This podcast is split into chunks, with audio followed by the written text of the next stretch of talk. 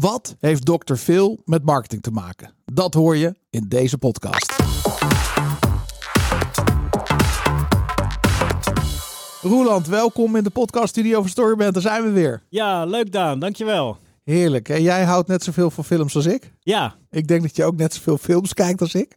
zeker. Toch? Ja, Noem eens één film die je recent hebt gekeken waarvan je dacht, wow, die vond ik echt, dat was nou echt, echt een goede film. Die heb ik niet recent gekeken, maar wat ik, eh, wat ik een hele goede vind is The Day After Tomorrow. Oh ja. Is dat die rampenfilm? Ja. Heerlijk. Hoe klein we dan zijn als mensheid en hoe groot de natuur is. En dat dan ineens alles, hè, wat nu probleem is in de wereld, wordt dan opgelost doordat er zo'n grote natuurramp is. Dat alles even in perspectief wordt gezet. Ja, een epic story. ja, Waarbij alles echt, het is winnen of verliezen. Ja. Pompen of verzuipen. Ja. dat is een dikke film. Hè? Dus Ja. ook, eh, ook eh, voor die tijd qua, qua special effects best, eh, vond, vond ik een goede film. ja, als je het geluid iets harder zette, dan Ja, hè? kwam, die, kwam die heel goed binnen. Ja. Klopt. Lekker. En jij? Nou, wij zijn, dat is ook de reden waarom ik hem vraag natuurlijk. Ja. Vorige week zijn wij naar de, naar de film geweest. Ja. Sing 2. Oh, Heb je, heb leuk. jij Sing 1 gezien? Nee, heb ik nog niet gezien. Oh, nou, dat is sowieso een hele leuke animatiefilm Ja. van DreamWorks, Mhm. Sowieso goed. Universal Studios. Ja. En eh, wat er heerlijk is, dat voorstukje gaat dan altijd over de Minions hè, bij Universal Studios. Dat vind ik al hartstikke lachen. Ja, dan zit je al, dan zit je al in de goede moed. Dan hè? zit je al een hele, hele ja, ja, goede ja, moed. Ja, ja, ja. Maar Sing 2 overtreft Sing 1 by far. Het is een nog leuker verhaal. En wat me nou opviel, en ik deed er echt niet, ik, serieus, ik ben een nerd. Ja. En ik kijk altijd bij films naar Storband. Daar was ik nu niet mee bezig. Maar het was zo duidelijk. De eerste vijf stappen van het Storyband framework kwamen de eerste tien minuten. En de rest van de film ging alleen maar over succes of verlies. Dus in de eerste tien minuten wisten we wie de hoofdrolspeler was. ja. Wat zijn mega probleem was. De gids die hem hielp. En het plan wat de gids gaf en de oproep tot actie. Alle vijfde stappen zaten in de eerste tien minuten. Het was gewoon een script volgens het boekje eigenlijk.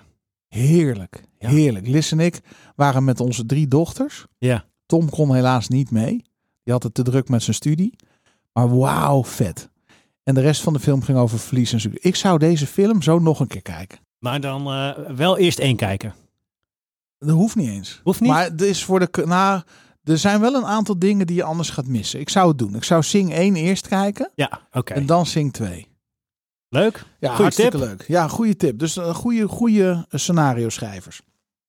En vandaag hebben we in de podcast niemand minder dan Aart-Jan van Erkel. Over zijn nieuwe boek, nummer 1. Ja, Wat een heerlijke titel, hè? Het ja die is goud. is eigenlijk jammer dat die titel nu weg is. Ja, dat heeft hij, eh, heeft hij goed bedacht. Heeft hij goed gedaan, hè? Ja. Wat, wat weet jij van Aart-Jan van Erkel? Dat hij eh, copywriter is, uiteraard. Ja. Dat hij verschillende boeken heeft geschreven. Eh, ik heb heel lang op zijn mailinglijst gestaan, maar eh, nu ik zijn laatste boek heb gelezen, snap ik waarom ik er niet meer op sta. Ehm, Zo grappig, hè? Ja. Ja, ik vind zijn, z- zijn marketing aanpak eh, valt wel altijd op. Ja. Het is fris, hè? Het is Ja. anders. Ja, het is anders dan de rest. Ja. Goede kopie. Ja. Ja, leuk. Ik, ik ben echt blij dat we weer een copywriter in de zaal hebben vandaag. Ja, leuk hè? Ja, want het is toch een van die beroepen die, zeg maar, als je het over Storyband hebt, elke copywriter zou Storyband idealiter moeten kennen en gebruiken voor zijn copy. Ja, willen kennen sowieso. Willen Ja. kennen, ja. Ja.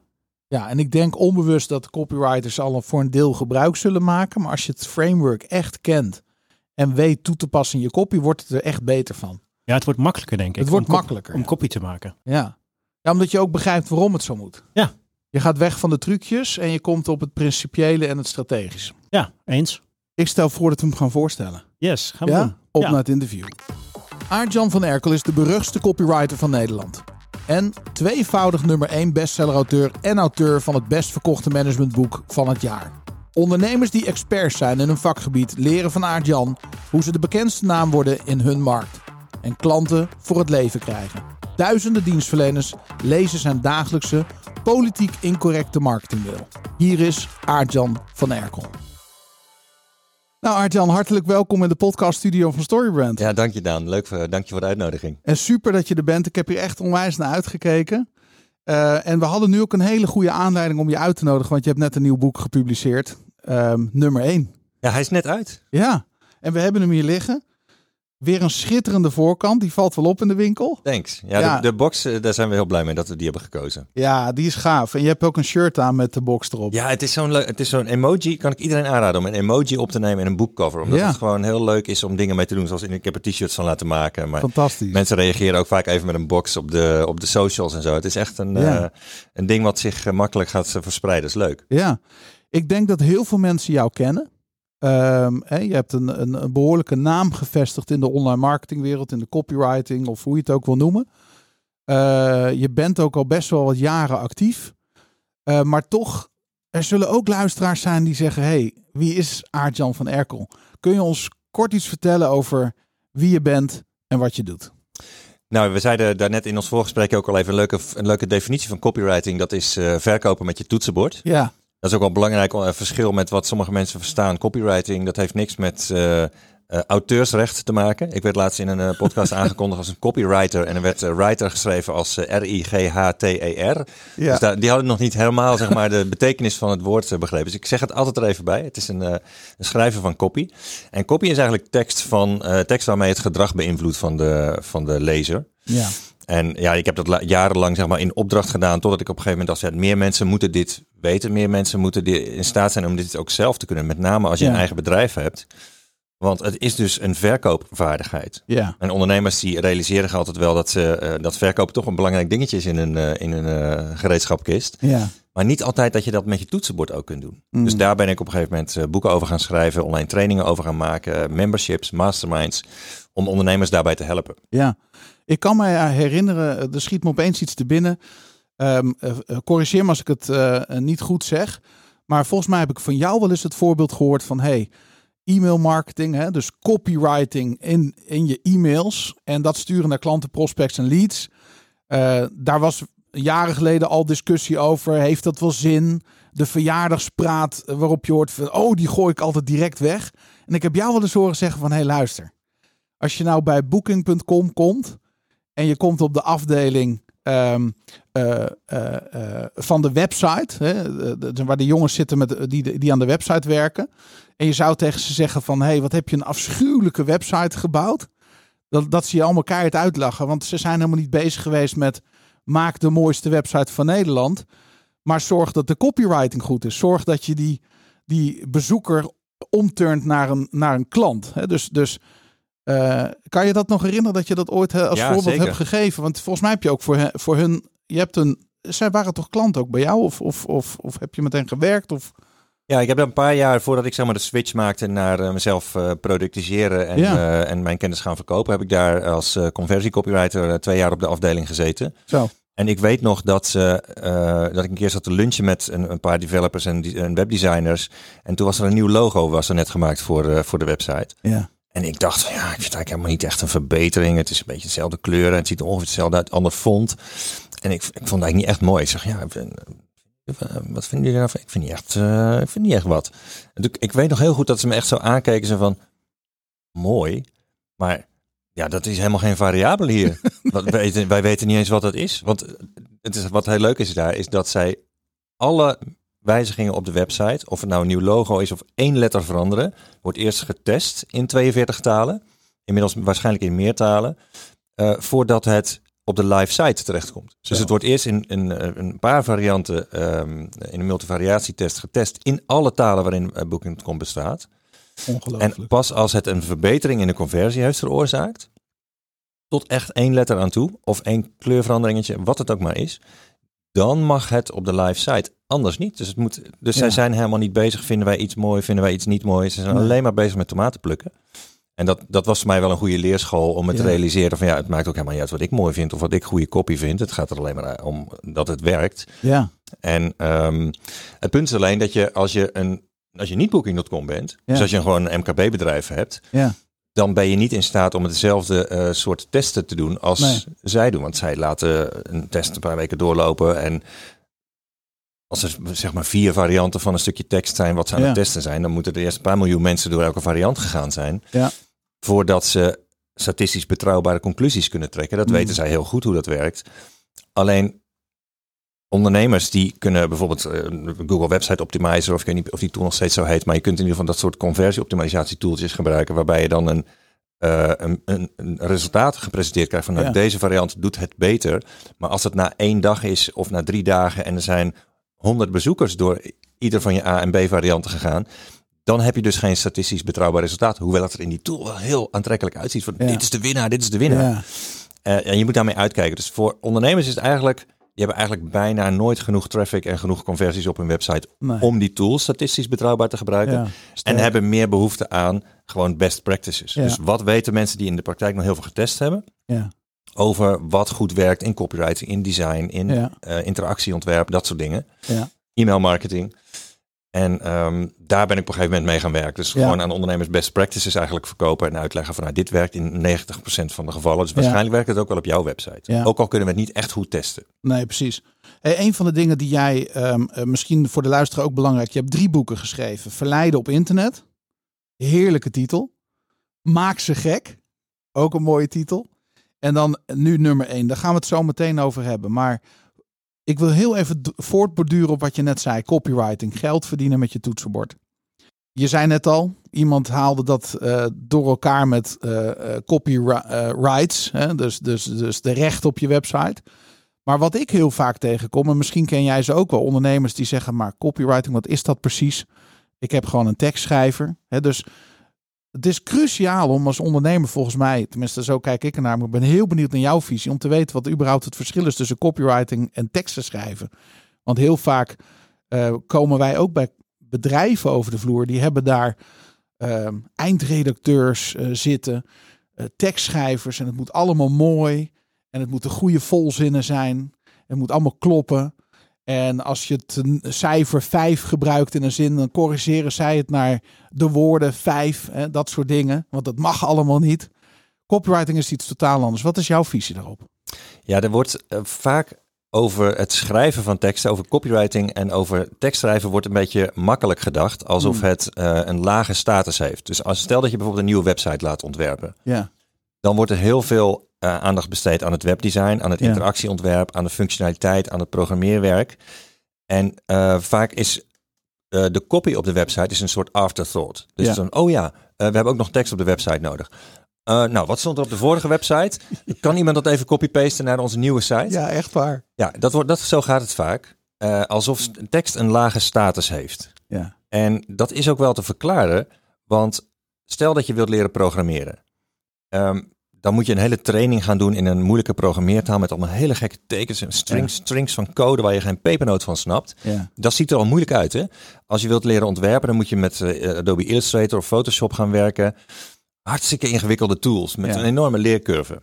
Als je een tekst wilt schrijven, dan start je Word op en je begint gelijk te kloppen. En je hebt ook zo'n ding op je, toets, op je bureau liggen, zo'n toetsenbord. Dat is het grootste object op je bureaublad. ja, Het grootste deel van je laptop is ook een toetsenbord. ja. En een monitor natuurlijk. Eh, dus dat ziet er al heel makkelijk uit. Van als ik een H druk, dan krijg ik een H. Dus ja, Ja. hoe moeilijk kan het zijn? ja. Dus dan, daardoor lijkt het makkelijk. Alleen mensen verwarren dan iets kunnen opschrijven met kunnen schrijven.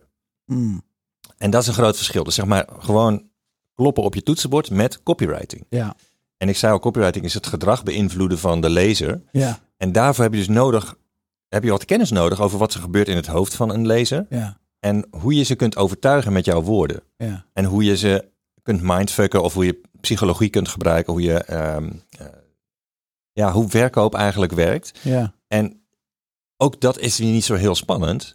Want als je in staat bent om een goed verkoopgesprek met een klant te hebben. Ja. Dus je, bent gewoon, je kunt gewoon lekker jezelf zijn. Je kunt goed luisteren. Je, je weet wat die, waar die klant wat voor zorgen die heeft. Of wat voor, waar die graag heen wil. Wat voor ambities. Dan kun je een goed verkoopgesprek hebben. En als je in staat bent om jouw dienst of product te verkopen in een gesprek met een klant. Dan kun je dat ook al met je toetsenbord. Alleen moet je weten, het is niet hetzelfde. Je moet even Nee. weten hoe dat werkt. ja, En dat is eigenlijk waar ik mee bezig ben om ondernemers daarbij te helpen. ja, En, ehm, maar goed, het werkt natuurlijk alleen als een ondernemer wel zich realiseert dat het iets anders is dan Precies. iets opschrijven. Want als ze, als ze er Ja. zo over denken, dan wens ik ze veel succes. En dan, Ja. dan moeten ze vooral niet bij mij aankloppen. Want dat, dan, Ja. dan kunnen ze doorgaan met wat eigenlijk 9 van de 10 ondernemers doen. Namelijk er eh, heel simpel over denken. ja, En de teksten van de oude website eh, copy-pasten. Maar we zitten nu ook bijvoorbeeld in, in, in de ontwikkeling van internet in een soort maturiteitsfase waarin we wel de echte goede ondernemers, die snappen inmiddels damn, copywriting is hartstikke belangrijk. Het is een soort magische skill. Want je kunt inderdaad met een simpel instrument zoals een toetsenbord... kun je heel veel eh, effect hebben op het resultaat, op de Ja. bottom line. 100%. En over, met ontwerp zijn we, hebben we allemaal al nagedacht. En over hoe die website een beetje uit moet zien. Of hoe eh, Ja. de, de, de mails die we sturen naar klanten eruit moeten zien. Maar over de woorden die we gebruiken, daar komen we nu met z'n allen een beetje Mm. achter. Tenminste, de, de, de slimste ondernemers. Van, oh, dat is hartstikke belangrijk. Ja. Wacht even. En als ik daar zelf goed in ben, dus niet iedere keer daar een tekstschrijver voor hoef in te huren. Tekstschrijvers zijn zelf vaak heel slecht in zichzelf verkopen. Dat kun je ook zien als je op de websites van freelance tekstschrijvers kijkt. Ja. Die zijn vaak alleen maar bezig met. Ik kan uw boodschap helder ver- vertolken. Dat soort. Ze hebben het heel vaak over helderheid. Dat Ja. is eigenlijk dus de, de main USP van een tekstschrijver. Ja. Terwijl ik zeg altijd tegen ondernemers: selecteer je tekstschrijver. Als je dan al wil dat, je, dat een tekstschrijver het voor je gaat doen, in plaats van dat je er zelf beter in wordt, selecteer hem dan op zijn minst op dat hij het heeft over verkopen. Ja. Dus ik verkoop uw product of uw dienst. Ja. Alleen daar zijn ze vaak niet zo goed in, want ze vinden dat niet leuk. Nee. Ze hebben, ze hebben daar een soort hang-up over, over Klopt. verkopen. Ja.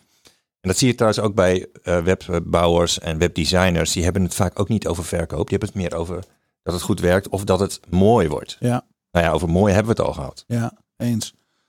Ehm, hoe, hoe belangrijk is het? Hè? Want kijk, ehm, ik denk dat niet elke ondernemer en elke marketeer de beste copywriter gaat worden.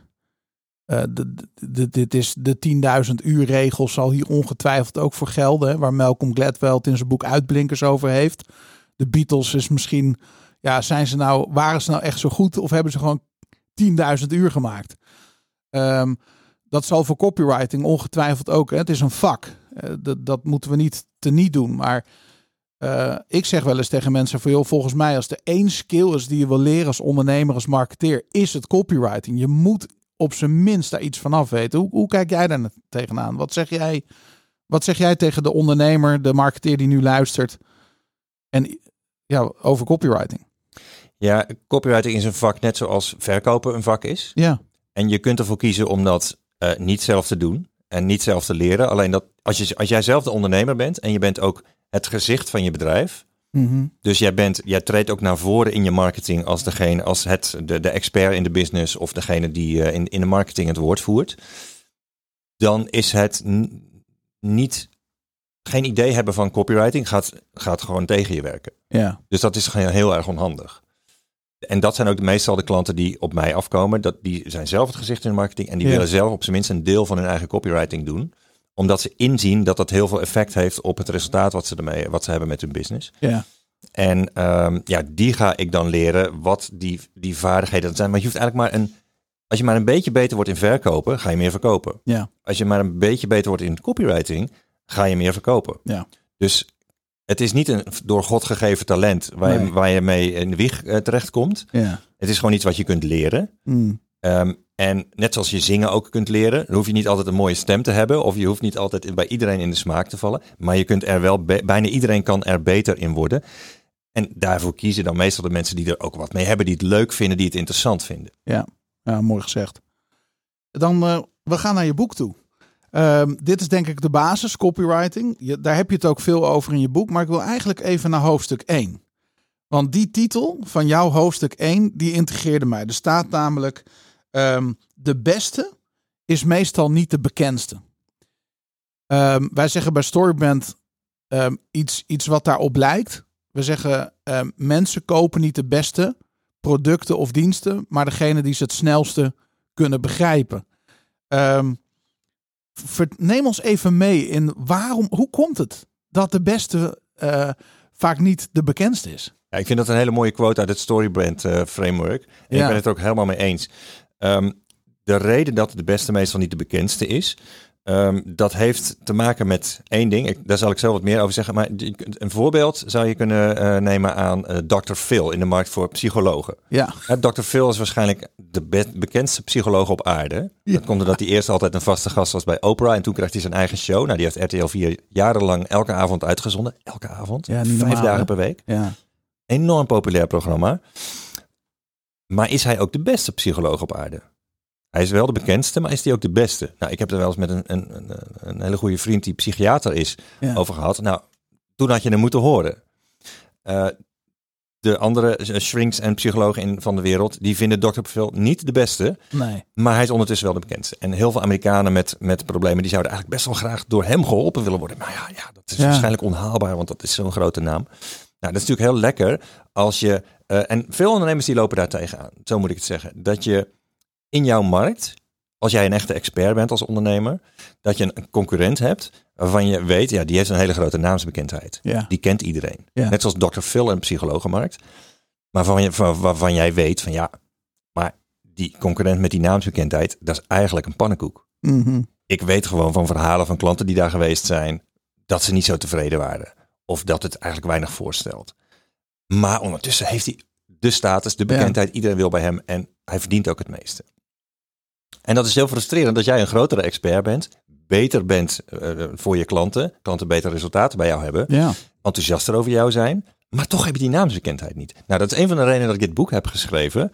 Eh, omdat de ondertitel ook is, zo word je de bekendste naam in je markt. Precies. Ehm, hoe doe je dat dan als je een goede expert bent, dat je jouw status omhoog krijgt? Ja. Ja. Nou, en dat is een, eh, de reden dat Dr. Phil zo bekend is, is natuurlijk dat hij veel betere marketing heeft. Ja. Hij zat in het programma van Oprah. En vervolgens heeft hij een tv-show. Nou, dat hoef jij niet te willen. Je hoeft niet in, op tv te willen of op, een beetje, nou, op dezelfde goedkope manier eigenlijk eh, een, een, een eh, celebrity te willen worden als hij heeft gedaan. Nee. Maar je kunt wel degelijk je status verhogen in je markt. En je kunt wel degelijk je marketing verbeteren. En Ja. ja, daar, daar gaat dit boek over. Ja. En zo belangrijk, want als jij een goed product of een goede dienst hebt, hè, dat is eigenlijk wat je zegt. Het is geen garantie voor succes. Hè, dus dus ik, ik, ik ga ervan uit dat jij ook pleit van, joh, zorg vooral dat je een heel goed product of dienst hebt. Hè. Dat, dat is niet de, de discussie hier. Maar als je dan overtuigd bent dat jij echt de wereld iets te bieden hebt, ja, dan wil je toch ook zoveel mogelijk mensen bereiken. Dus wil je bekend worden. Dus is, je hebt huiswerk te doen. Hè, dat is eigenlijk de boodschap van jouw boek. Ik ga er al vanuit dat je goed bent. Ja, Dus ik, ik ben er niet voor starters of Nee. eh, millennials die net van school komen. Of Nee. eh, piepjonge Nee. me- mensen met een persik huidje die de influencer uithangen op Instagram. en en de, de living the life, maar ondertussen geen inhoud hebben. Daar, daar, daar ben ik helemaal niet mee bezig. Kijk ik niet eens naar. Ik, richt me, ik ben zelf 51, dus ik richt me veel meer op ja, experts die al minstens 10, 15, 20 jaar ervaring hebben. ja, Die echt wat voorstellen, die Ja. ook door hun omgeving worden gezien als experts. Alleen nog niet die naamsbekendheid hebben. ja, mooi. En eh, dus het, het- ze zijn al goed genoeg, alleen ze, hebben, ze, ze zijn gewoon nog niet de bekendste in hun markt. Nee. Ze zijn nog niet de nummer één. Nee. Dan heb je het vervolgens ehm, eh, in je boek over iets heel moois. Je zegt ehm, eh, letterlijk ehm, dat je, je noemt het brave marketing. En ik zie dat als een soort thema ook door jouw boek heen. Komt meerdere keren terug. Ehm, en je geeft ook aan dat je zelf afscheid hebt genomen van brave marketing. Dat heeft behoorlijke gevolgen gehad voor jouw business in eerste instantie. Het leek erop alsof dat even misschien een kant op ging waar je niet heen wilde. Maar het heeft ook voor enorme resultaten eh, gezorgd. Mijn eerste vraag eigenlijk is, wat is brave marketing? Ik denk dat we elkaar daar heel erg vinden. Van wat, hey, wat, ik, wat ik van jullie aanpak eh, weet. En eh, jullie zijn natuurlijk ook heel erg bezig met hoe je een boodschap veel duidelijker krijgt. En heel veel bedrijven en ondernemers die praten met mail in hun mond. Ja, Dus als je met een ondernemer een, een biertje staat te drinken op een borrel of zo, die heeft een supergoed verhaal. ja, Dan denk je echt van, die heeft charisma, die heeft, het is een leuke gast of een leuke meid en die, die heeft gewoon een goed verhaal. Als je vervolgens op de website van die ondernemer gaat kijken, dan krap je soms op je hoofd en denk je van, hé, is, dit diezelfde gast? ja, Is, dat, is dit Ja. hetzelfde mens? Maar Ja. dit klinkt heel anders. Dit klinkt heel saai opeens. Dit klinkt opeens heel politiek correct. Dit klinkt heel deftig. Dit klinkt, hier, hier gebruiken ze opeens woorden die ze op die borrel nooit zou gebruiken. nee, En dat is bij veel ondernemers aan de hand. Dus dat ze op een andere manier praten op Ja. hun, in hun zakelijke communicatie dan in het echt. ja, En dat is echt, dat is echt een enorme afknapper voor klanten die opeens... Dat voelt heel vreemd. ja, Er is een soort mismatch en het is bijna een soort onbetrouwbaar. Het is heel raar, dat komt heel raar over. Mm, is hetzelfde als eh, dat je een... ehm, wij, toen wij nog kleine kinderen hadden, ik heb nu een, een- twee pubers, maar toen ze nog klein waren en wij oppassen hadden, dan had je wel eens, dat waren dan van die jonge meiden en die studenten of zo, en die wisten nog niet helemaal zeker. Wij zeiden gewoon jij en jou natuurlijk. En soms zeiden ze u tegen ons en dan weer jij en dan weer eh, u. Oh, ja. een beetje, dat is een beetje, dan Ja. moet je echt zeggen van, nee joh, zeg maar jij, lekker relaxed. ja, inderdaad. En dat is op je website eh, ook zo als je. Vaak is het ook letterlijk zo dat op websites bijvoorbeeld u en jij wordt afgewisseld. Dus de Ja. ene keer zeggen ze u tegen je en de andere keer jij. Dat is Ja. al dat je denkt van... Bij sommige momenten twijfelden ze al van wat moet ik hier zeggen. Ja, of het is op verschillende dan medewerkers geschreven. Maar dus als je daar geen beslissing over hebt genomen van hoe praten wij eigenlijk tegen onze klanten, dan wordt het een, eh, een soort ongemak wat je ook bij zo'n oppas zit. Je, joh, rustig, pff, relax, gewoon, we zeggen gewoon jij tegen elkaar. En dat soort ongemak wat iemand voelt, dat krijg je dan ook als je zo'n website bekijkt. Ja, dat is natuurlijk killing. Ja. Maar brave marketing gaat verder dan alleen u of jij.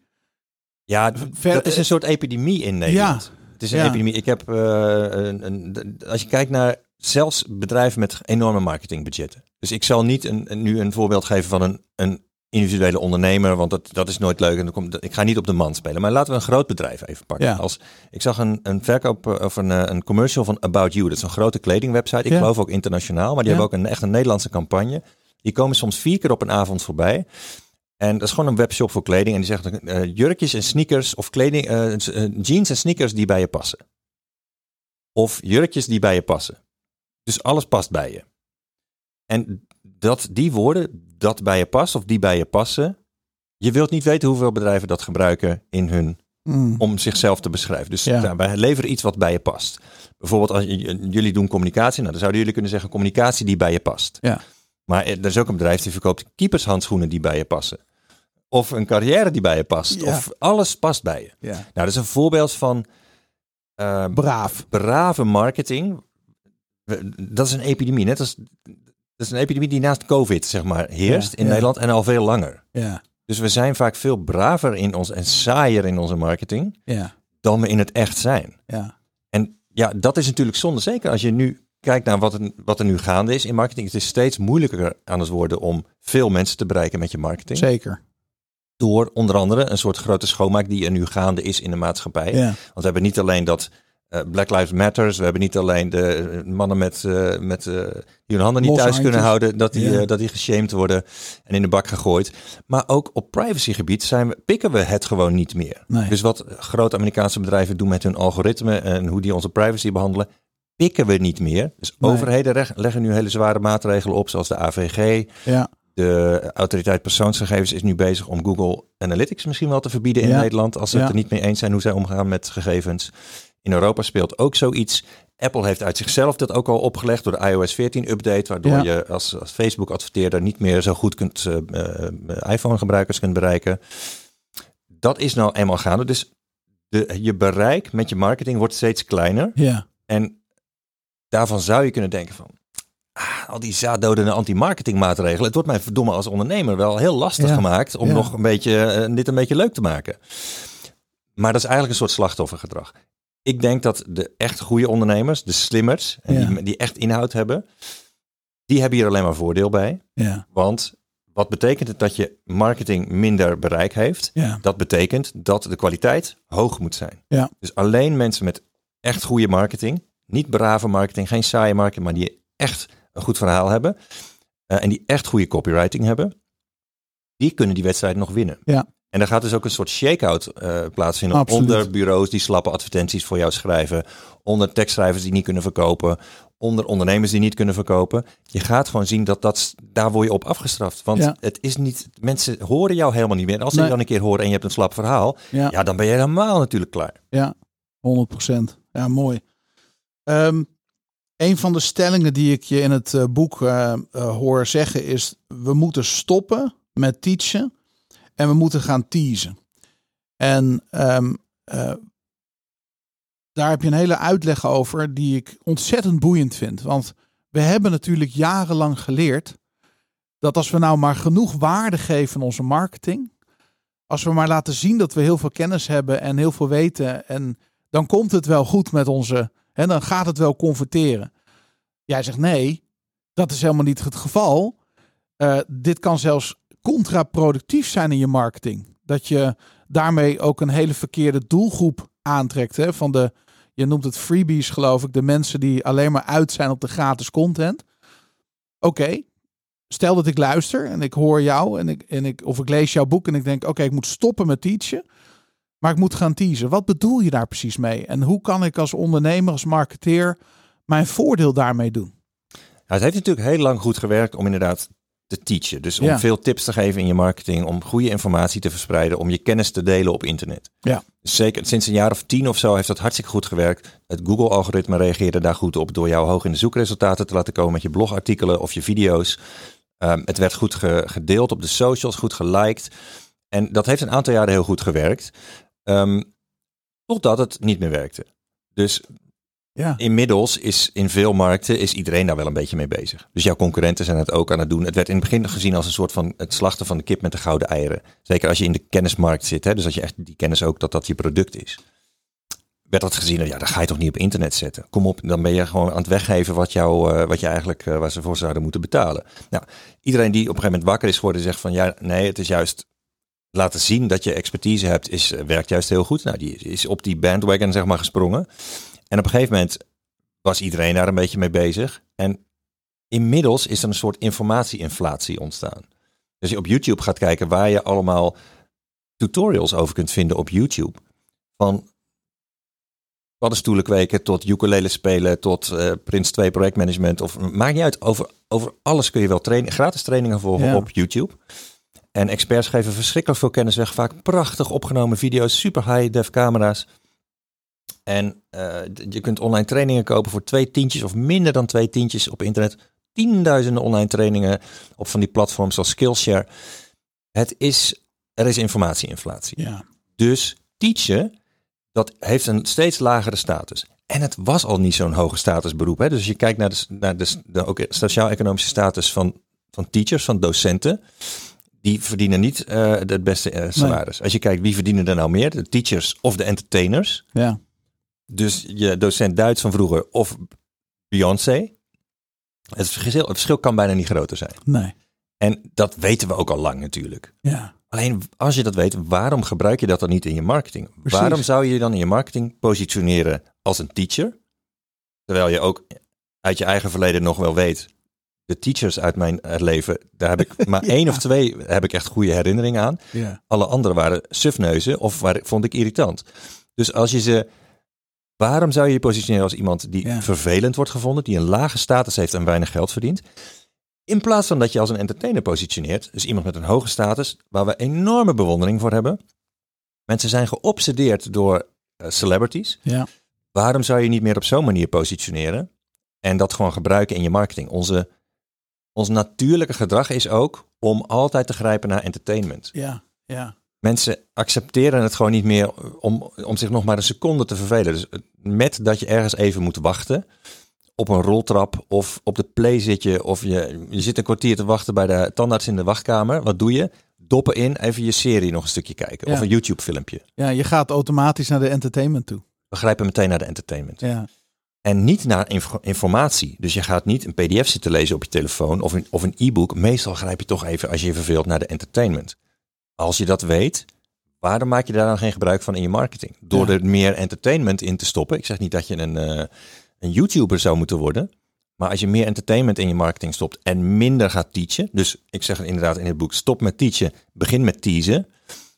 Dan, krijg je, dan sluit je veel meer aan bij het natuurlijke gedrag Ja. van je klanten. Ja. En vinden ze jou ook veel leuker. En ze zullen jouw marketing ook Ja. niet meer zo binnenkrijgen als marketing. Nee. Heel logisch als je het zo zegt. Kun je een voorbeeld noemen waar ik als ondernemer of marketeer ehm, dat verschil kan gaan maken? Als ik, als ik die switch, als ik jou hoor praten, dan denk ik ja, logisch. We moeten stoppen met teachen. We moeten gaan teasen, entertainment eh, eh, erin stoppen. Ehm, hoe doe je dat? Nou, als je een. ehm, als je nieuwsbrieven wilt schrijven bijvoorbeeld, of je wilt iets aan marketing, iets aan content marketing Ja. doen. Waar je dan vaak op eh, tegenaan loopt als je dit al een aantal jaren doet, Ja. is dat je op een gegeven moment denkt, God allemachtig, moet ik nou weer in die nieuwsbrief zetten? Weet je, dat je, dat je het gewoon even niet meer weet. Want Ja, ik Ja. heb alles nou wel een keer verteld. Ja. Ik heb alle tips nou wel eens een keer gegeven. En dat komt doordat je als expert de natuurlijke neiging hebt om binnen jouw vakgebied naar content te zoeken. Ja. Naar tips, naar goede inzichten, naar de adviezen. Dus je blijft altijd binnen de grenzen eh, van, dus binnen het weiland zeg maar, waar jij, waar jij altijd eh, eh, opereert. En er Ja. staat een soort hek omheen in je hoofd. En op een gegeven moment heb je al dat gras al een keer opgevreten. En ik van, jezus, wat moet ik nou nog zeggen? Ja. En wat het inzicht wat ik zelf ongeveer 3,5 jaar geleden kreeg, toen ik, nadat ik jarenlang heb geteacht in mijn marketing. Ja. Dus ik zeg er ook niks van als ondernemers dit nu doen. Want ik heb het zelf ook heel lang gedaan. ja. Totdat ik erachter kwam dat ik er geen reet meer aan vond. Dus ik, had, Mm. ik was zelf echt uitgeluld in mijn marketing. Ik vond het niet leuk meer. Ik had geen zin meer om nog artikelen te schrijven. Ik was allemaal oude content aan het recyclen in mijn nieuwsbrieven. Ja. Ja. En ik had daardoor helemaal geen connectie meer met mijn mailinglijst. Toen heb ik de beslissing genomen. Nou, iemand gaf mij het inzicht, waarom ga je niet meer entertainen en waarom ga je niet vaker e-mailen? Dus wat ik toen heb gedaan is, ik, ben, ik realiseerde me dat je eigenlijk over alles kun je een nieuwsbrief schrijven als je in staat bent om een bruggetje te leggen naar jouw vakgebied. Ja. En eh, we kijken hier nu uit op een, op een eh, soort vijver. Er staat een knotwillig, geloof Ja, ik. eh, of ja. een treurwillig staat, daar, staat daarbij. Nou, je zou over een treurwillig zou je best een leuk verhaaltje kunnen schrijven. Ja. Ik heb een klant die heeft bijvoorbeeld... Toen ik hem de formule hiervoor heb gegeven... de formule die ik ook in het boek geef... de Epic e-mail formule noem ik die. Hij, is een, hij heeft een groothandel in eh, cosmetica... en een beauty academy voor eh, schoonheidsspecialisten. Ja. En hij zei, sinds jij mij die formule hebt gegeven, loop ik buiten met Binky, dat is mijn labradoodle, en loop ik bij ons door de polder. En dan krijg ik zoveel ideeën voor e-mails. Dan moet ik altijd mijn telefoon bij me hebben, want dan schrijf ik altijd gelijk die ideeën op. En ehm, een idee wat hij bijvoorbeeld kreeg, waar hij een mail over heeft geschreven. Hij komt uit Oosterhout in Noord-Brabant en hij schrijft zijn mails daadwerkelijk in Oosterhouts dialect, een beetje met Brabantse woorden. Het is Heerlijk. witte wel, witte niet, weet je, dat soort woorden gooit hij er gewoon doorheen. Eh, hij, heeft, hij heeft een keer een mail gestuurd met de titel Even wat anders. En wat anders schreef hij echt met W-A-D-D en dan anders. Dat trekt aandacht in de inbox. Hè? Ja. En hij heeft bijvoorbeeld een mail geschreven waarop hij dus door de polder liep. En hij zag in een sloot zag hij een zwanen-echtpaar. Die waren daar een nest aan het bouwen. Met Die bouwen van die enorme drijvende nesten. ja, Met veel grote, veel dikke takken en zo. En hij kreeg daardoor een idee. Ik weet niet meer precies wat het, het, het verhaaltje precies was. Maar hij schreef over dat zwanennest schreef hij dus een mail. Ja. En die stuurde die naar zijn mailinglijst van schoonheidsspecialisten. Dan zou je kunnen zeggen, ja, waar slaat dat nou weer op? Eh, Doe even serieus. We hebben het toch hier over beauty en over, Ja. over de huidtypes, weet ik veel waar ze het over hebben. En jij gaat het over zwanen hebben. Maar hij zag het bruggetje, hij zag de link tussen die twee onderwerpen. En die schoonheidsspecialisten kregen opeens een verhaaltje dat hij Binky uitliep te Mm. laten. En hij zag die zwanen en daar, daar vond hij wat van. Dat is natuurlijk veel leuker Ja. om te lezen dan Ja. iedere keer maar weer over een foundation of over een Exact. cremmetje. Hè? Ja. Dat hebben ze al tienduizend keer van hem gehoord. Ja. En over zwanen had hij het nog nooit gehad. Als je dus in staat bent, als je die formule gebruikt, dan kun je dus opeens onderwerpen die buiten jouw vakgebied liggen. Met andere woorden, bedenk het maar. Het kan over alles en nog wat gaan. Ja. Kun je gaan communiceren in je content marketing. Precies. Ja. En klanten ontvangen dat niet als hij probeert mij nu iets te verkopen. Nee, hij vertelt iets over een zwanennest. Ja, dat kan geen marketing zijn. Even lezen wat er gebeurde met die zwanen. Dus het, het vliegt binnen onder de marketing bullshit radar. Mensen gaan dat consumeren zonder dat ze eigenlijk dat ervaren als hij probeert mij iets te verkopen. Ja. En vervolgens kun je dus in iedere mail die je stuurt, kun je wat verkopen zonder dat je weerstand hebt opgeroepen of zonder dat je de filter hebt eh, getriggerd waardoor mensen marketing zo snel gaan negeren. Ja, precies. En dat is gewoon heel leuk hieraan. Dit is eigenlijk ook een vorm van storytelling die je dan ge- gebruikt. Ja, absoluut natuurlijk. Je, je bent gewoon verhalen aan het vertellen en via die verhalen leg je een linkje naar. Ja. Prachtig. Ja. ja. Alright. Ehm, dan heb je een pleidooi voor het sturen van leukerdere mails naar je klanten. En dan kom je inderdaad met die epic e-mail formule. Eh, daar wil ik het zo meteen over hebben, maar nog heel eventjes, want we zijn eraan voorbij gegaan, realiseer ik me. Dat toen jij stopte met die brave marketing, toen kelderde jouw lijst uit mijn hoofd van 34.000 abonnees naar 10.000. Nou, je schrijft ook van joh, daar heb ik best wel lang aan gebouwd. Dat was ook een soort status, hè? een soort, dat snappen we allemaal als ondernemer van wow, weet je, kijk eens wat een ma- mailinglijst ik heb. Ehm, dus dat was even een, misschien een negatieve consequentie van het feit dat je eh, voor, van brave marketing afstapte. Maar wat is uiteindelijk het resultaat voor jou nu we 3,5 jaar verder zijn? Die mailinglijst van 34.000 e-mailadressen, die had ik inderdaad opgebouwd door jarenlang voor tonnen te adverteren in het Facebook advertentieprogramma om mensen in mijn webinars te krijgen. En daar verkocht ik dan een training. Dus er stonden op een gegeven moment 34.000 mensen op mijn lijst. Nou, dat had inderdaad, mijn, dat streelde mijn ego. Het is, het is fijn om een, Ja. het is een, een ego metric noemen de Amerikanen dat. Hè? Een grote mailinglijst, dat is lekker. Toen gingen we een keer kijken, nou hoeveel procent van deze mensen hebben ooit iets bij mij gekocht. Hmm. Dat bleek, ik geloof 2,1% te zijn of zo. Andere woorden, wat is het? Eh 97,9% had nog nooit iets gekocht. Dat is bijna iedereen. Met andere woorden, die mailinglijst, daar stonden geen buyers op. Daar stonden geen mensen op die iets Nee. ko- kochten. Die vonden alleen dat ik goede tips gaf. Ja, Soms wisten ze niet eens dat ik iets verkocht, want ik je gaf had zoveel. het daar ook niet over. Nee. Ik gaf zoveel gratis weg. Dat ze eigenlijk niet meer. eh, ze stonden ook niet op die lijst om iets te kopen. Ze stonden daar om dingen te krijgen, dingen Ja. gratis te krijgen. Ja. Nou, ik noem het ook wel de freeloaders. Dus mensen die alleen maar komen voor dat jij iets heel lekkers bakt in, jouw in jouw keuken. En dan geef je ze dat op een servetje met dat, doe je wat poedersuiker op. En het is warm en krokant. En ze grijpen dat uit je handen en ze vreten dat op. En ze laten een boer en ze flikkeren die servet op de grond en ze zijn weg. En je, je hoort er nooit meer wat van. Ja, die, die, die geven geen geld bij je uit. Nee. En de, dat zijn de freeloaders. Daar had ik er dus 97,9% van op mijn mailinglijst van 34.000 e-mailadressen. Ja. Toen ben ik begonnen. Eh, en op een gegeven moment moest ik iets veranderen. Want ik merkte dat die webinars werkten een tijdje, een tijdje niet meer. Ik verkocht heel weinig meer. Mijn omzet kakte in. En ik had iets nodig waardoor ik niet meer 7000 euro per webinar investeerde in Facebook advertenties om één live webinar vol te krijgen. Want die webinars werkten niet zo goed meer. Ik had iets anders nodig wat wel werkte. En ik dacht, ja, wat heb ik nou wat geen geld kost? Oh ja, ik heb 34.000 e-mailadressen. Die ben ik toen op een andere manier gaan mailen dan ik altijd had gedaan. Want dat teachen heb ik al gezegd, ik kon dat niet meer aan. Dat, Nee. dat was gewoon, ik kon het niet opbrengen. Ik kon het niet opbrengen om elke week één artikel te schrijven. Nu schrijf ik elke dag een artikel. Dus ik heb voordat ik hierheen kwam, heb ik er ook weer een gestuurd. Wauw. En dat gaat heel makkelijk, Ja. omdat ik niet meer aan het teachen ben, maar aan het teasen. Ja. Zeg maar aan het, het is eigenlijk meer kietelen. Ja. En ja, jij hebt ook kinderen. En eh, Ja. als ze klein zijn, dan is het leuk om de kieteldood te doen bij de kinderen. En om ze, om ze in de lucht te gooien. En eh, nou, als je op het grote bed ligt, dan kun je de grootste, Ja. heb je de grootste lol. Hè? Dus Ja. zowel de ontvanger van het kietelen als ook degene die kietelt, hebben de grootste lol. En dat is hierbij ook. Dus Ja. ehm, als je aan het teasen bent in je marketing, is het zowel voor jou leuk om te maken, als ook voor die klant leuk om te krijgen. Ja. En eh, dat ben ik toen gaan doen naar die, richting die 34.000 e-mailadressen. Maar ik heb er wel bij gezegd van ja, luister, ik ga nu iets anders. Ik ga je nu geen opgewarmde artikelen van jaren geleden meer sturen. Ik ga ook elke dag mailen. Dus als, daar moet je wel toe bereid zijn om dat, eh, als je dat niet aan kan mentaal, dan eh, moet je niet aanmelden. Nee. Klik even op deze link om over te stappen op die nieuwe mailinglijst. Nou, dat hebben toen maar 1200 mensen gedaan of zo. Zo. Nou, daar schrok ik natuurlijk kapot van. Ja. Ja. Goddomme man. Ik, eerst had ik een publiek van 34.000 en nu nog maar van 1200.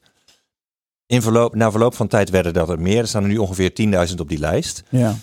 En ik doe, doe met die nieuwe mailinglijst eh, betere omzetten dan vroeger met die enorme mailinglijst. Wauw. En nu heb ik het aantal eh, buyers, het aantal mensen die wel eens wat kopen, ligt boven de 25% Zo. Dus het is een compleet andere Ja. eh, cijfers zijn het geworden. En dat streelt pas je ego.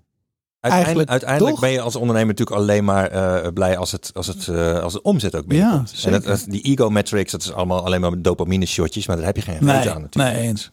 Dus eh, nou, dat is mijn switch geweest en ook, Mm. mijn, ook in mijn hoofd de switch van ik, ik wil die oude manier van marketing die ik niet meer kon opbrengen, wil ik ook niet meer mijn klanten aandoen. Nee. En mezelf niet. En ik ben nu dus met dat, met dat teasen bezig. Ja. En dat is ook de reden geweest dat ik het boek heb geschreven. Want ik vond het leuk om daar wat over te vertellen. Ja, schitterend. De Epic e-mail formule. Het zijn een eh, paar geboden van eh Aart-Jan. We gaan ze niet allemaal doornemen, maar ik wil, wil, eh, als ik ze nou eens voorlees. En pik jij er dan eens eentje uit als je zou willen. Waarvan je zegt, nou die wil ik wel even. Dat is zo mooi om even ook toe te lichten voor, eh, voor vandaag. Gij zult infotraining e-mail schrijven. Ja, die moet ik denk ik even toelichten. Ja? Want infotraining, wat is dat nou precies? Ja. Dan moet je denken aan Zondag met Lubach. Of zijn, zijn nieuwe show, de avondshow van Lubach. Ja. Ik weet niet precies hoe die ik heet. gisteren. heb hem gisteren gezien. Dat was best Ja. leuk. Die, wat hij doet is infotainment. Dus ze hebben in, in de tijd van Zondag met Lubach hebben zij meerdere keren het voor elkaar gekregen dat er kamervragen gesteld werden over een onderwerp waar niemand mee bezig was. Van de, van de burgers. Er waren wel wat actualiteitenprogramma's die hadden over dat TTIP. Dat was zo'n zo'n echt moordend handelsverdrag tussen, ik geloof, Amerika en Europa of zo. Met echt consequenties waardoor Amerikanen onze markt konden overspoelen met, met giftige kippen en weet ik veel wat voor shit allemaal.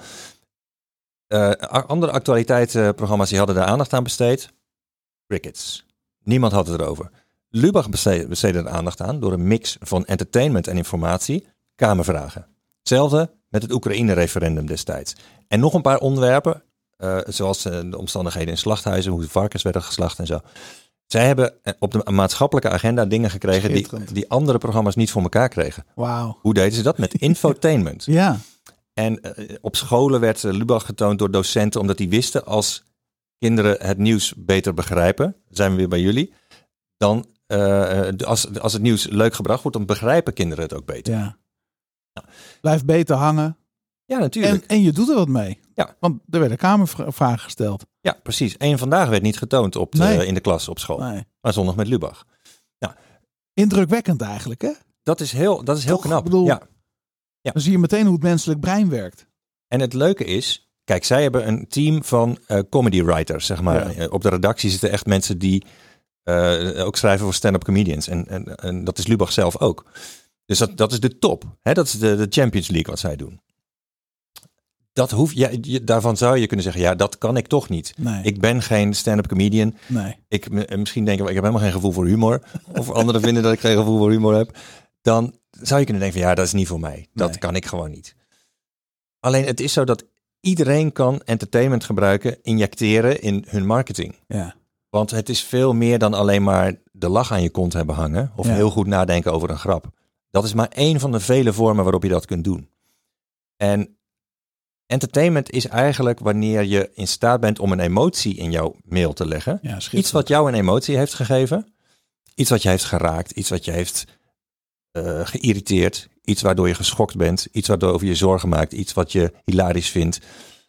Het roept een of andere emotie op.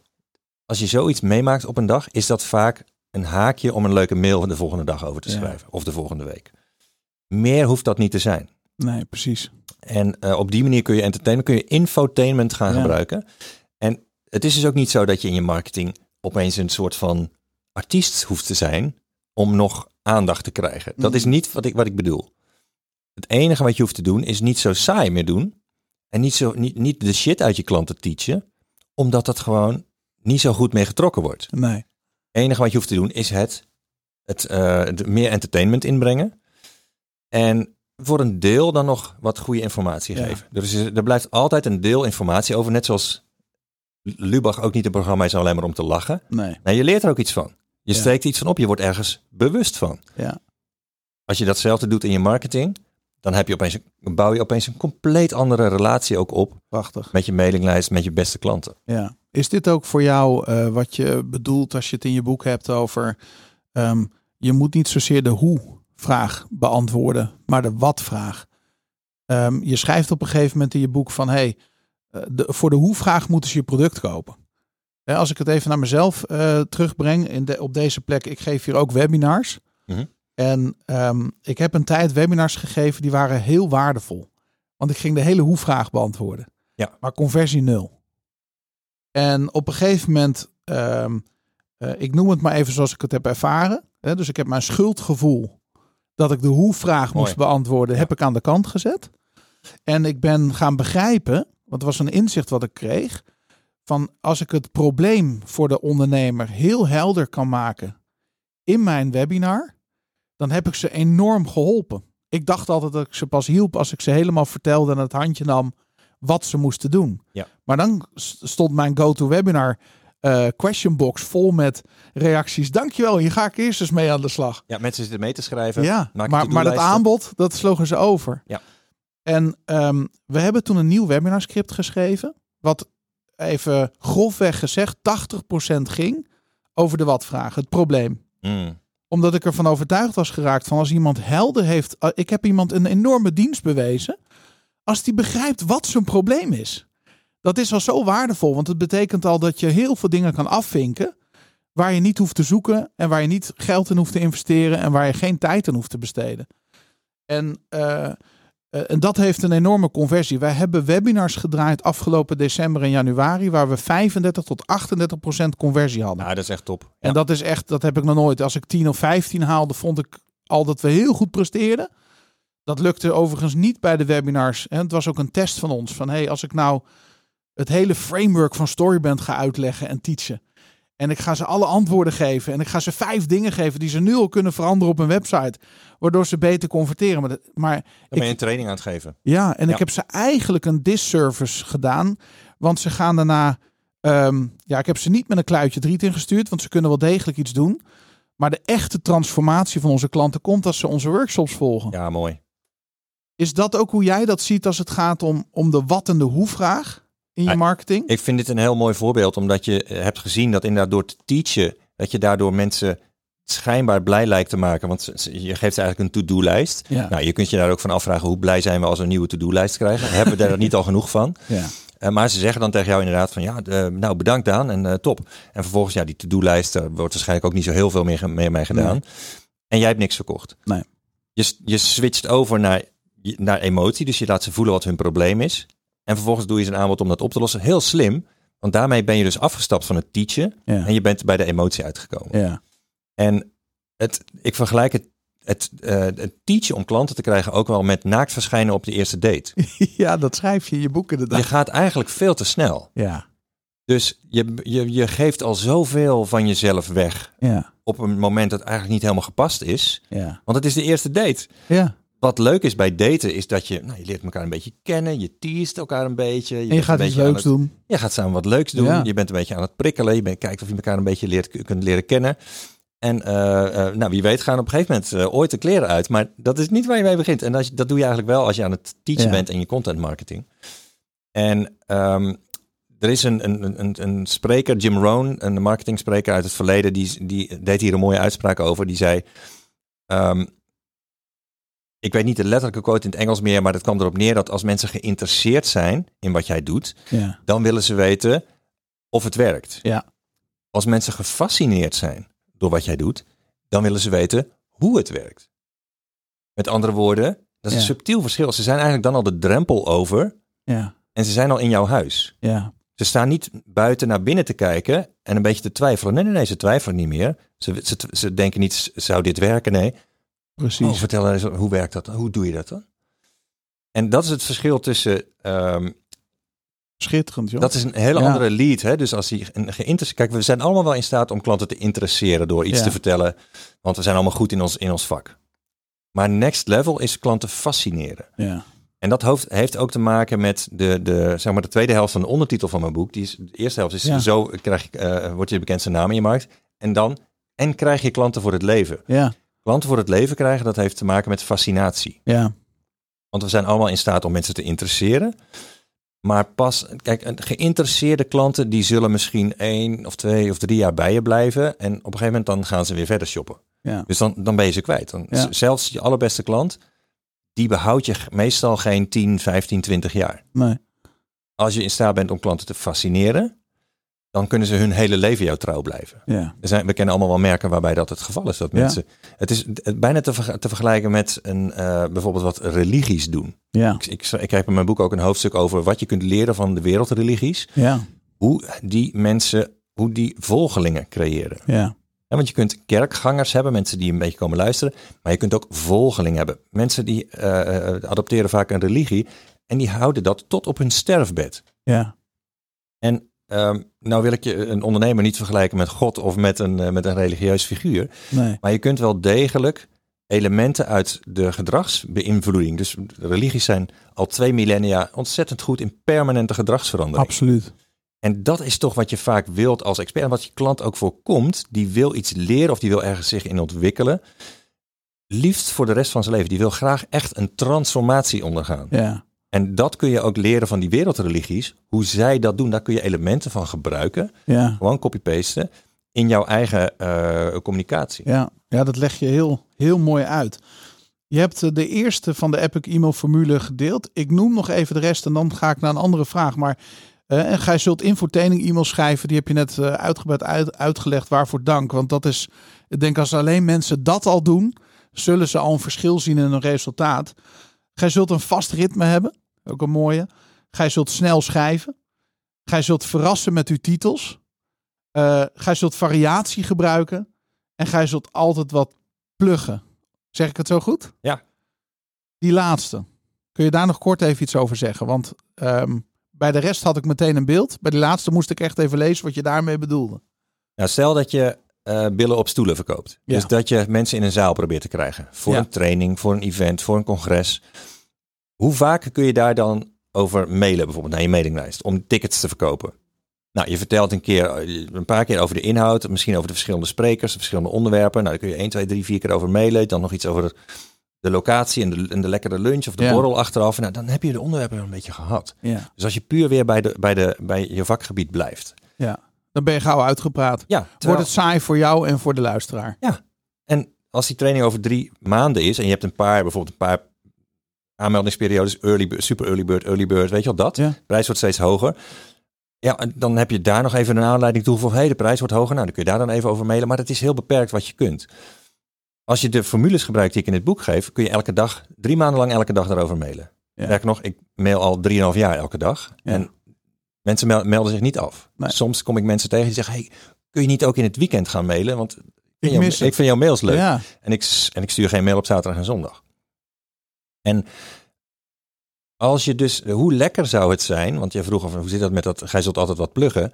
Hoe lekker zou het zijn als je elke dag als je zou willen, of zo vaak als je maar wil kunt mailen Ja. over dat ding wat jij verkoopt. Zonder dat mensen dat irritant vinden. Ja. Zonder dat je weerstand oproept. Hoe, dan, hè, dat heb je nodig om die zaal echt ramvol te krijgen. Ja, Want dan kun, je, precies. dan kun je daar zo vaak over mailen als je maar wilt. En Ja. hoe lekker is dat? Ook als je geen billen op stoelen verkoopt, maar iets Ja. heel anders. ja, Is het heel lekker als je gewoon vaak marketing kunt doen. precies. Want ondernemers hebben vaak de weerstand daarbij van ja, maar ik wil mijn mailinglijst absoluut niet storen. Ik heb mijn klanten, eh, eh, die zijn heel belangrijk voor mij. Die ga ik niet irriteren. Ik vind het zelf bloedirritant als bedrijven te vaak mailen. En dat, ah, dat heb ik zo'n hekel aan, dat ga ik niet doen. Dus dan gaan ze Zichzelf als graadmeter gebruiken voor hun eigen marketing. Ja, en ze gaan een bedrijf dat eh kiloknaller e-mail stuurt. Gaan dus altijd heel vet op verkoop en helemaal niet op, op relatie of op inhoud of op entertainment. Gaan ze als een soort van ehm, Mm, angst. eh, eh, daar hebben ze, ze zijn bang om zo gezien te worden. ja, En dan mailen ze daarom maar één keer in het kwartaal bijvoorbeeld. Ja. Of één keer in de maand. ja, Nou, mensen gaan je dan eerder zien als een spammer als je heel weinig mail. Ja. Want ze, ze weten gewoon helemaal niet meer dat ze op jouw nee, mailinglijst ben staan. jij ook alweer? Dus dan klikken ze sneller op Ja. spam. En dit is zo waar. Hè? Dit gebeurt gewoon echt de hele dag door. Ondernemers hebben geen idee welke kansen ze laten liggen. Precies. Precies. En als je dus kwakkelt met je, met je e-mailmarketing of met je content marketing, ligt het vaak aan dit soort dingen. Ja, En eh, hoe lekker is het als je daar helemaal geen last meer van hebt. Als je marketing ervaart als kietelen. Dus je hebt zelf ook de grootste lol. Ik zit s- morgens vaak te lachen achter mijn toetsenbord als ik een mail aan het schrijven ben. ja dat kan ik me voorstellen. En als het niet wordt ervaren als marketing. Dus dat Ja. je zo vaak kunt pluggen als je. Dus daarom zeg ik ook altijd tegen mijn klanten en in het boek. Altijd een aanbod doen in elke Ja. e-mail. Schitterend.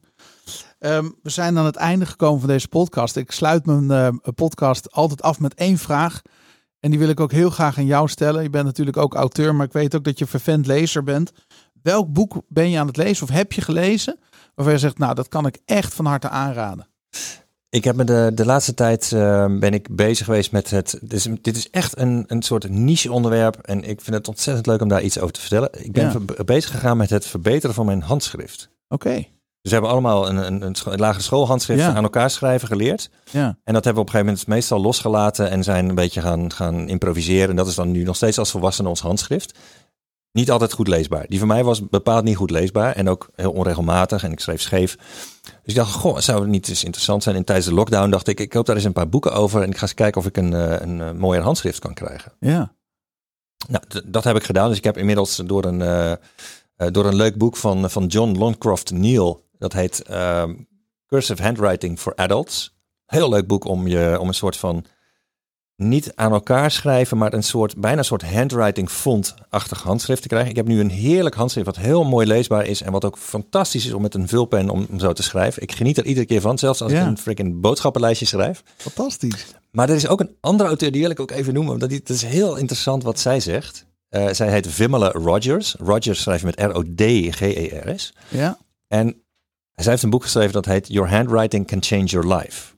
Wat zij zegt, vond ik heel prikkelend. Ze zei, ja, we weten al dat jij door ehm, te, te bestuderen hoe iemand schrijft, kun je iemand profilen. Dus bijvoorbeeld bij moordenaars of Ja. misdadigers, die Ja. worden soms opgepakt doordat ze een bepaald een, een ransom note of zo, een eh, Ja. los, losgeldbriefje hebben geschreven. En dan gaan ze het handschrift analyseren en dan kunnen ze nou, herkennen van, oh, die heeft ook destijds die, dat briefje wat we in de administratie van dat bedrijf hebben gevonden. En nu weten we wie het is.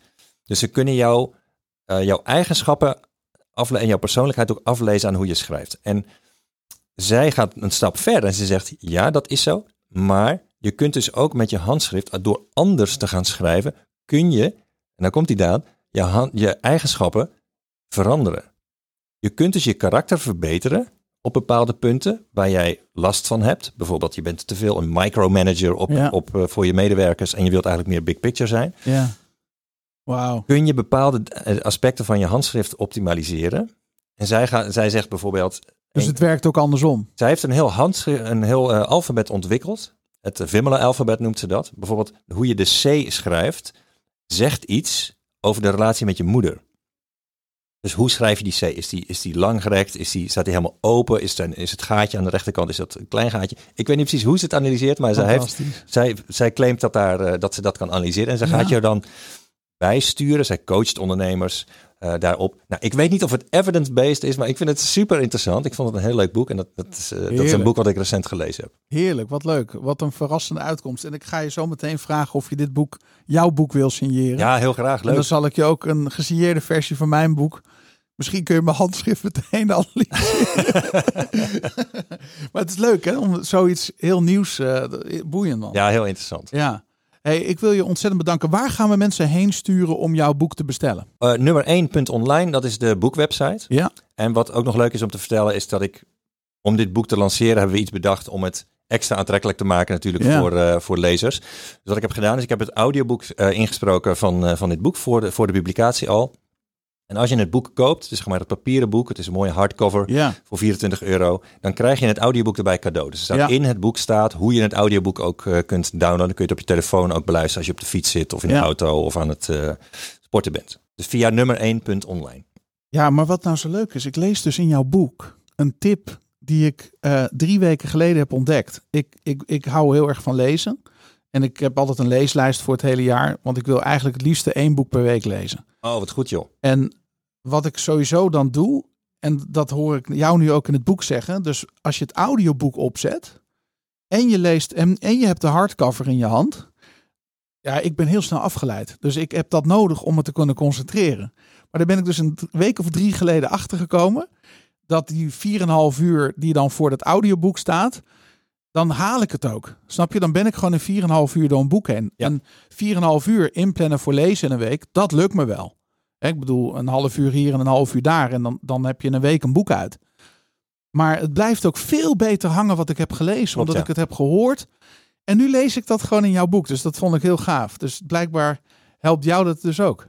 Ja, veel ondernemers hebben dat. ze, ze zijn eigenlijk te creatief en te, te, te snel in hun hoofd en te snel afgeleid. Geen, Ja. Ik wil geen ADD noemen, maar het zit die kant op, in ieder geval Ja. bij mijzelf. Ja, En het werkt voor mij ook heel goed om tegelijkertijd te luisteren op iets sneller dan, eh, dan, Ja. dan de voorleessnelheid. ja, En te lezen. Want dan, ja, je komt dan zeg maar, het, het, de informatie komt dan via verschillende lichaamsopeningen bij je binnen. ja. En daardoor ook op verschillende plekken in je brein. En daardoor eh, doe je er inderdaad mee en beklijft het ook beter. Hoe snel leest, luister jij? Anderhalf of, of twee? Of wat, wat vind jij prettig? Eh, ja, Engels meestal 1,25 en Nederlands iets van anderhalf of zo. Ja, precies. Ja. ja, ik doe inderdaad ook anderhalf. En het, het helpt gigantisch. Want je brein kan veel sneller informatie verwerken dan je het op een normale snelle totje zou nemen. Dus ik ben ook veel minder snel afgeleid. Ja, je blijft er meer bij. Ja, Ja. cool. Aart-Jan, ontzettend bedankt voor je komst. En eh, wellicht tot de volgende keer. Ja, thanks aan jou. Bedankt voor het leuke gesprek. Storyband Nederland bestaat één jaar en dat gaan we vieren. Aanstaande donderdag maken we dit bekend op onze website hoe we dit gaan vieren. Dat is 10 maart. Hou de website storyband.nl even in de gaten. En als je op de mailinglijst staat, krijg je het vanzelf in je mailbox. Want wij gaan iets doen. We hebben iets ontwikkeld, iets groots, waarmee jij je marketing transformeert en je bedrijf exponentieel laat groeien. Dit heb je nog nooit gezien. Sterker nog, het is echt revolutionair in de wereld van marketing. Alle details maken we aanstaande donderdag bekend via de mail, via de social en via onze website. Dus hou het in de gaten. Dit wil je niet missen. Zo, dat was het interview met Aart-Jan van Erkel. Roeland, Ja, zeker. Eh, ik zag jou alleen maar met een big smile aantekeningen maken en je verheugen over alles wat hij deelde. Ja, die, die kennisdichtheid is hier, eh, zoals vaker gezegd, is, is heerlijk. Ja. Wat zijn de golden nuggets die jij eruit hebt gehaald? Een van jouw eerste vragen die, eh, die, die houdt jou volgens mij al langer bezig is van, joh, wat is nou precies een copywriter? Ja. En wat is het verschil tussen copywriters en eh, tekstschrijvers? En daar geeft hij, vind ik, een hele mooie, duidelijke beschrijving. hè, dat je eigenlijk alleen maar je toetsenbord nodig hebt. Ja, en voor, voor heel, andere, heel veel andere beroepen, daar gebruik je, hè, als je gaat ontwerpen, gebruik je Photoshop, moet je voor gestudeerd hebben. Hè, eh, dat voorbeeld vond ik zo kenmerkend. Van ja, het is gewoon een heel simpel instrument, wat iedereen kent en gebruikt. Dus daarmee denkt iedereen dat hij die kan, dat hij kan schrijven. Dan wordt het een beetje onderschat. Ja, ja. Dat vind ik een hele mooie. Verkopen met je toetsenbord. Ja, heerlijk. Dat is toch heerlijk? Goeie, Ja, wat is een copywriter? Ja, verkopen Toets. met je, met je toetsenbord. lekker, ja, simpel, klaar. Ja. Nou, dat, dat was er één. En wat ik ook wel een hele leuke vond, is eh, dat hij over zijn ervaring vertelde als hij aan het netwerken was. En eh ja, dan kwam iemand tegen, super, super leuk gesprek en eh, nou, leuk beeld van wat hij doet. En dan ging hij naar de website kijken en dan was het, "Bleh, is dit het? Heb, heb ik Ja. deze persoon ontmoet van deze website? Hij doet hè? zich zo anders voor op de, op, eh, als hij als die zijn website heeft. Het is veel zakelijker en veel minder persoonlijk, Mm. veel minder leuk. Hier wil ik geen zaken mee doen, maar met die persoon wel. Nee. Ja. Ja, dat vond ik echt wel een... eh, ja, die is ook stevig. ja, Die kwam bij mij ook binnen hoor. Want dat is natuurlijk ook weer een reflectie naar jezelf toe. Van hoe communiceer ik wanneer ik niet spreek, maar schrijf. Ja, en je hebt natuurlijk spreekstaal, eh, spreektaal en schrijfstaal. Mm, Taal, zo. Ja. Eigenlijk is het gek dat we schrijftaal gebruiken op de website, terwijl je het, het verhaal wat je wil vertellen is gewoon een persoonlijk verhaal. Ja. En daarmee schrijf. Ja. Of eh, spreektaal. Ik Zo. denk, eh, eh, wat mij altijd opvalt in onze gesprekken als we het hebben over copy.